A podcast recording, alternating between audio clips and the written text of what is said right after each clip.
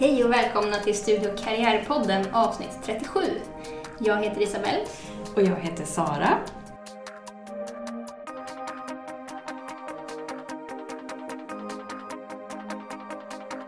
Och idag har vi en gäst, eller vi är väl faktiskt gäst här hos Sofia Diderholm på Studenthälsan. Välkommen! Tack så mycket!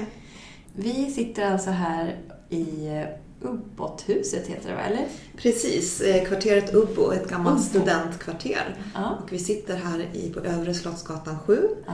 Och det är samma eh, byggnad där även Uppsala studentkår sitter på bottenvåningen och så sitter Universitetskyrkan på mellanvåningen och sitter Studenthälsan högst upp. Ja, det är fantastisk utsikt härifrån när man ser både slottet och domkyrkan och universitetshuset. Kan bara hålla med. Alltså vilken utsikt! Vad härligt att komma hit. Ja. Vi är jätteglada att du eh, ville vara med i det här avsnittet som kommer handla om studenthälsan och om ditt, vad du gör här. Ja, precis. Så vi, vi kan väl börja med att eh, fråga dig. Vad har du för bakgrund och hur hamnade du här? Ja, jag är då arbetar som psykolog och verksamhetsledare på Studenthälsan. Och jag har varit här ja, sedan 2010 kan man säga i lite olika roller. Första gången som jag var här och började jobba då var det faktiskt som student.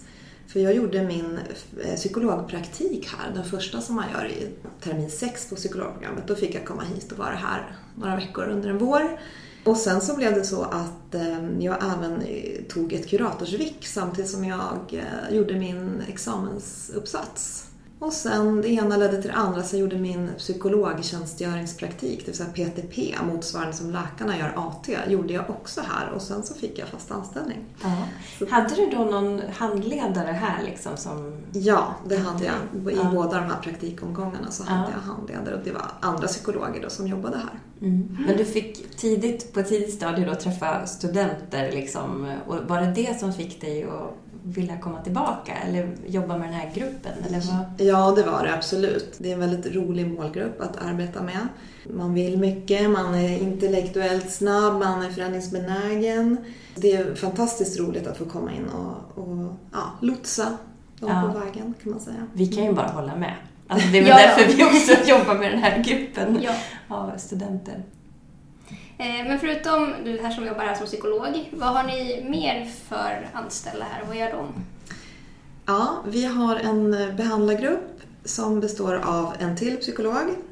Så att vi är två psykologer totalt och sen har vi en läkare och sen har vi fyra kuratorer och sen har vi en företagssköterska som är väldigt duktig på stress. Och förutom det gänget så har vi också ett administrativt gäng som består av en receptionist som man träffar när man kommer hit. Och sen har vi en informationsansvarig och en person som sköter ekonomi. Men ni är ganska många. Vi är ganska många. Ja, Mm. roligt. Ja, det är roligt. Ja. Men vad är det för typ av... För att dels så kan man komma hit och boka samtal eh, liksom för att träffa en psykolog eller en kurator då antar jag. Men om man, ni har ju massa annan verksamhet också. Precis, man kan säga att det stöd som vi ger till studenter Eh, det är ju framförallt av förebyggande karaktär men vi arbetar även behandlande. Och man kan dela upp det lite grann och säga att dels har vi då individuella samtal som vi erbjuder och sen har vi även en kurs och workshopverksamhet. Där kanske den senare då mer handlar om det här förebyggande arbetet. Om jag kan börja beskriva den då så är det eh, varje termin kan man säga så har vi ett kurs och workshoputbud som, som löper. Där man som student då kan gå in på vår hemsida och se om vi erbjuder någonting som kan passa. Eh, det kan vara på tema stress eller prokrastinering, det vill säga uppskjutande. Det kan handla om eh, prestationsångest, livsstilsfrågor som sömn. Eh, Det kan vara även Våga tala-kursen som är en av våra kanske mest kända kurser. Och då är det, den vänder sig till personer som tycker att det är läskigt att det här med att hålla en presentation inför en publik. Och det tycker vi ju alla är lite läskigt men om man tycker att det är så pass läskigt så att man helst undviker det och därmed riskerar att inte få sina poäng. Då ska man gå vår kurs Ja. för då kan man få hjälp med att komma över den här Just det. rädslan. Det är Mm. jättebra att det finns. Ja, det är väldigt bra. Och det är väldigt många som söker den kursen varje termin. Och alla de här kurserna går varje termin. Så att har man inte tid en termin så kan man ta det nästa termin så att de, de rullar på. Mm. Och man anmäler sig via UUs hemsida. Precis, man går in på uu.se och så söker man fram Studenthälsan. Och där hittar man information om våra kurser och workshops och även en länk till anmälan. Då. Mm. Mm. Och vi kommer också länka dit eh, Ja. vid det här. Precis. Men eh, jag tänker på, för du träffar ju då studenter nästan dagligdags. Liksom. Vad är det för typ av frågor du får? Vad stöter du på för? Ja, då tänker du mer på de här enskilda samtalen kanske? precis. Då är det alltså studenter som har hört av sig till oss och då gör man det via vår telefonrådgivning som vi har öppen varje dag, måndag till fredag. Där finns även tiderna på hemsidan. Och då får de ringa först till oss och berätta liksom lite vad de behöver hjälp med. Och då gör vi i mm, telefonen då, telefontiden bemannas av en kurator eller en psykolog. Då ställer vi lite frågor. Man får berätta lite vad, vad man har för problem och ja, om man har sökt någon hjälp tidigare. Och då får man antingen eh, komma till oss på ett första bedömningssamtal eller så får man då en hänvisning om att vi tänker att du kan få en bättre hjälp någon annanstans. Ja. Men de då som får komma på ett första bedömningssamtal, då kommer de hit och träffar någon av oss behandlare. Och då, de flesta som söker, det kan ju vara olika saker, men mycket handlar ju om prestationsångest, kanske låg självkänsla, ångest generellt eh, och att man kan känna sig lite nere, nedstämdhet. Det kan också vara eh, lite livsstilsfrågor som sömn, alkohol och så vidare. Mm. Just det. Men då gör man alltså en första bedömning och ser vad det handlar om och sen ja, så ser man om vi kan hjälpa till här eller om man ska vända sig någon annanstans. Just det. Och någon annanstans då är det mer till en vårdcentral eller... Precis, det kan vara till primärvården då, som det kallas, det, det vill säga vårdcentral eller det kan vara att man behöver eh, man kanske har haft en kontakt tidigare inom psykiatrin, att man ska tillbaka dit. Eller det kan vara att, att kommunen har något stöd. Vi jobbar ju mycket så här att vi hjälper, vi har ganska bra koll på vad det finns för stöd att få i olika instanser. Därför att det vi kan erbjuda här det är kortare kontakter och då kan det vara så att man hinner göra mycket under den tiden men att man sen behöver någon ytterligare typ av hjälp eller någon annan typ av hjälp från början och då är vi bra på att slussa vidare. Ja. Och vi jobbar ju så att vi ska ju vara ett stöd för studenten tidigt. Det är ju universitetets så att säga, önskan att, att en student som mår dåligt ska få hjälp snabbt för att man inte ska halka efter i sina studier Mm. allt för mycket. Men hur, hur snabbt Mm. kan man få en tid om man ringer och har, känner sig ha tentaångest? Liksom, Ja. och, Precis, det beror, det beror ju lite på söktrycket för övrigt, hur det är just den perioden. ja, Men vi, det ligger mellan två till fyra veckor. ja. I, och då menar jag att perioder som är, vi är extra belastade, då kan det vara upp till fyra veckor som det har sett ut den sista tiden. Men det kan vara, även vara två veckor, så det är lite olika. Mm. Och vår modell är ju så att vi, vi tycker ändå att vi kan erbjuda ganska snabba tider. Det är vår, vår ambition. Så att man kommer in snabbt och det betyder också att man ska ut ganska snabbt. Ja, och därför jobbar vi effektivt. Man får ungefär i snitt fyra samtal kan man komma hit. Mm. Och det möjliggör ju då att många studenter kan få hjälp. Precis, det är en stor omsättning. Det är, vi har en liksom. väldigt hög genomströmning av eh, studenter som kommer hit. Då. Mm. Just det. Mm.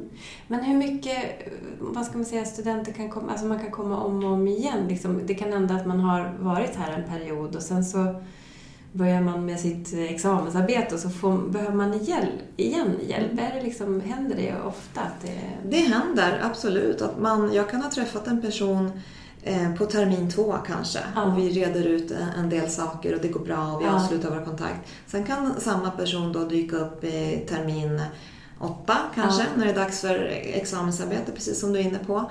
Och då, då kan man få komma tillbaka så att säga på igen ytterligare en kortare kontakt. ja. Absolut. att man liksom, ibland behöver man kanske bara få bli påmind om, just det, vad var det vi pratade om eller vad är det jag ska tänka på? Visst är det så, så det, det händer. Mm.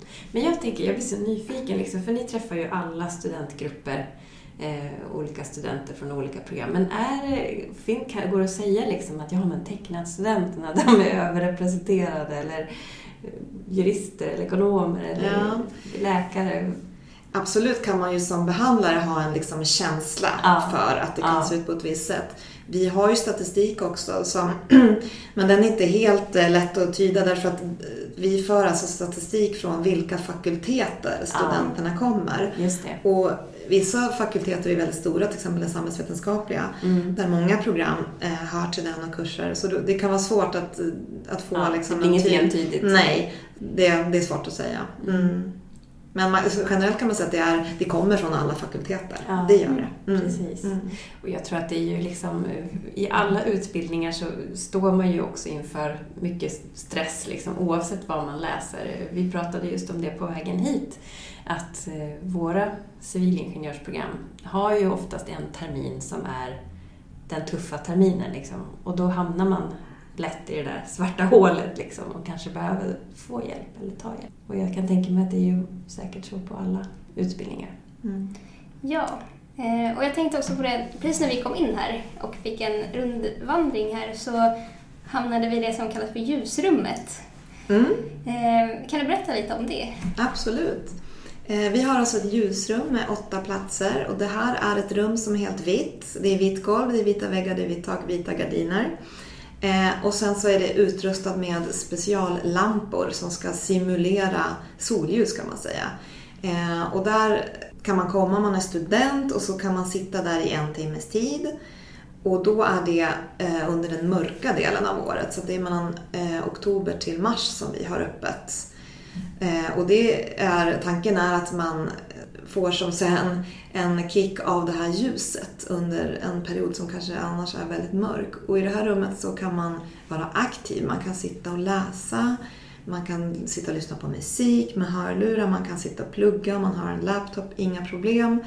Eh, och man kan även sitta och småprata lite grann med en vän om man går dit tillsammans. Men det är ett ganska lugnt rum. Men det är ett bra sätt att, att känna sig lite piggare. Mm. Men jag tänker, hur mycket... Jag tänker mig att många internationella studenter som inte är vana vid det här mörkret som vi har på vårt vinterhalvår eh, använder det här rummet. Men eh, har ni annars mycket internationella studenter som söker kontakt generellt med studenthälsan? Ja, det har vi. Eh, det skulle jag säga. Jag har väl i alla fall, som behandlare har man minst en till två per vecka. Där Ja. samtalet sker på engelska. Ja. Eller spanska då som vi också har erbjuder. Så det, det förekommer och precis som du säger, det kan vara lite tungt om man kommer hit i augusti när det är sommar men sen så blir de här mörka månaderna, det är många som känner av det. Det är ju många svenska studenter också som känner av det, det gör vi ju alla. Men de uppskattar väldigt mycket att kunna nyttja ljusrummet men även komma på samtal. Det kan också vara i, i början innan man har etablerat sociala kontakter här så är det, kan det vara lite tufft. Ja. Mm. Vad, är, vad tycker du är det svåraste med att jobba som psykolog här på studenthälsan? Åh, jo men det är väl nog när vi har perioder med högt söktryck och eh, vi inte kan erbjuda så snabba tider som vi önskar. Det känns jobbigt då att sitta i telefontiden därför att man, det är unga personer som ringer och som inte mår bra och man känner sig maktlös. Eh, vi försöker ju göra vad vi kan då. Vi kan ta in på ett första samtal till exempel hos vår företagssköterska så man får träffa någon i alla fall snabb tid så. Eller man kan försöka ha som en liten konsultation på telefonen och hjälpa. Vad vad kan du göra nu precis närmaste dagarna här innan du får komma till oss? Kan du berätta för någon kompis hur du mår? Någon annan? Men det är nog det är tufft när man har med unga personer att göra som inte mår bra och sen så känner man sig otillräcklig. Mm. Så är det nog för alla som har ett omvårdande yrke tror jag. Att det är en jobbig känsla. Men det här är ju en stor studentstad. Mycket studenter, eh, mycket och festande. Alkohol och sådär, är det också någonting som, frågor som ni berör och som studenter kan komma hit för om de har ett, eh, upplever att de har ett missbruk till exempel? Mm. Absolut. Eh, det är precis som du säger, det är en jättestor del av den här studentkulturen att alkohol förekommer. Så det, det ser vi mycket av och vi arbetar ja, precis på samma sätt som övrig problematik där. Att vi har, dels jobbar vi förebyggande till exempel i form av att eh, vi har två kuratorer som är ANDT-inriktade och ANDT står alltså för alkohol, narkotika, doping och tobak. Eh, och de här två eh, kuratorerna, Jenny och Johanna, de är ute och eh, deltar i de här utbildningarna av eh, mottagningsansvariga, det vill säga de som ska ta hand om de här nya ressarna inför varje termin. Så det är sådana utbildningar vi deltar och då, har vi, då är alkohol en punkt på agendan. Eh, vidare så är det mycket arbete mot eh, nationerna där vi tillsammans med kommun och polis eh, jobbar med vad, vad, vi kallar för ansvarsfull alkoholservering som är en, en utbildning. Då. Så det är det utåtriktade förebyggande arbetet som vi eh, gör. Sen tar vi också emot studenter som söker för att de själva tycker att de har ett problematiskt drickande om man säger så. Då kan man få komma hit och prata om det och man kan få screena sig och se hur man ligger till.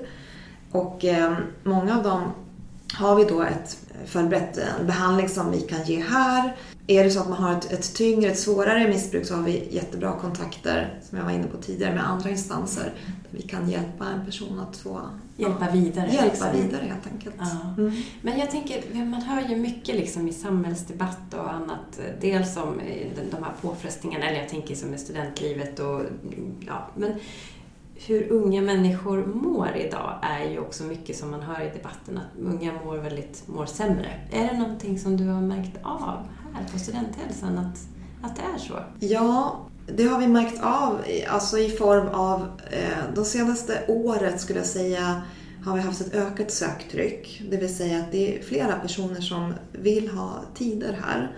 Vilket gör, har ju då gjort att väntetiderna har blivit lite längre. Och eh, vår analys av det, det är väl att, ja, det är svåranalyserat men en del som, som jag även har blivit intervjuad av, av annan media, Eh, det är ju det här att primärvård och psykiatri inte riktigt mäktar med den ökade generella ökade efterfrågan på vård för psykisk ohälsa som vi ser i samhället. Och då är det ju alla åldrar och alla, alla grupper eh, inräknade så att säga. Och det här märker vi spiller över lite på oss därför att eh, studenter som kanske behöver lite mera hjälp får inte komma in i tid på vårdcentralen och då kommer de till oss. Och det har kommit nyligen nu, eh, Folkhälsoinstitutet har gjort en, en rapport om psykisk ohälsa där det visar sig att det har ökat bland unga människor. Mm. Lite lägre bland unga vuxna med eftergymnasial utbildningsnivå. Mm. Men de, de ligger ändå högt. Eh, och sen vad det här beror på, det är en, det är en väldigt svår fråga att bara ha. Det är inget enkelt Nej, svar på den det, frågan. Precis, mm. men ni märker av, Vi märker av ett det. ökat tryck. Det gör vi. Mm. mm. Jättebra. Men det är ju fantastiskt att studenthälsan finns och eh, vi vet ju att våra studenter hittar hit. Eh, så vi lotsar gärna vidare våra studenter hit när Precis. vi känner att det behövs. Det låter bra. Men det är bra att vi kan ha ett sånt här fint samarbete och att vi nu också har fått veta lite mer om vad ni jobbar med. Mm. Och framförallt att man som student inte ska dra sig för att ta en Nej. första kontakt med studenthälsan. Ju förr desto bättre. Ja. Allting pekar på att om man söker ja. hjälp i tid så är man snabbare ute ur det så att säga. Ja. Och det är jätteviktigt. Det kan vara bra att komma mm. ihåg när man börjar fundera på vad man ska göra åt saker. Ja. Och ting. Men verkligen stort tack för att vi fick komma hit och träffa dig. Mm, tack själva, jättetrevligt. Ja, tack så mycket och tack till er som har lyssnat. Ja, tack så mycket. Hej då. Hej då.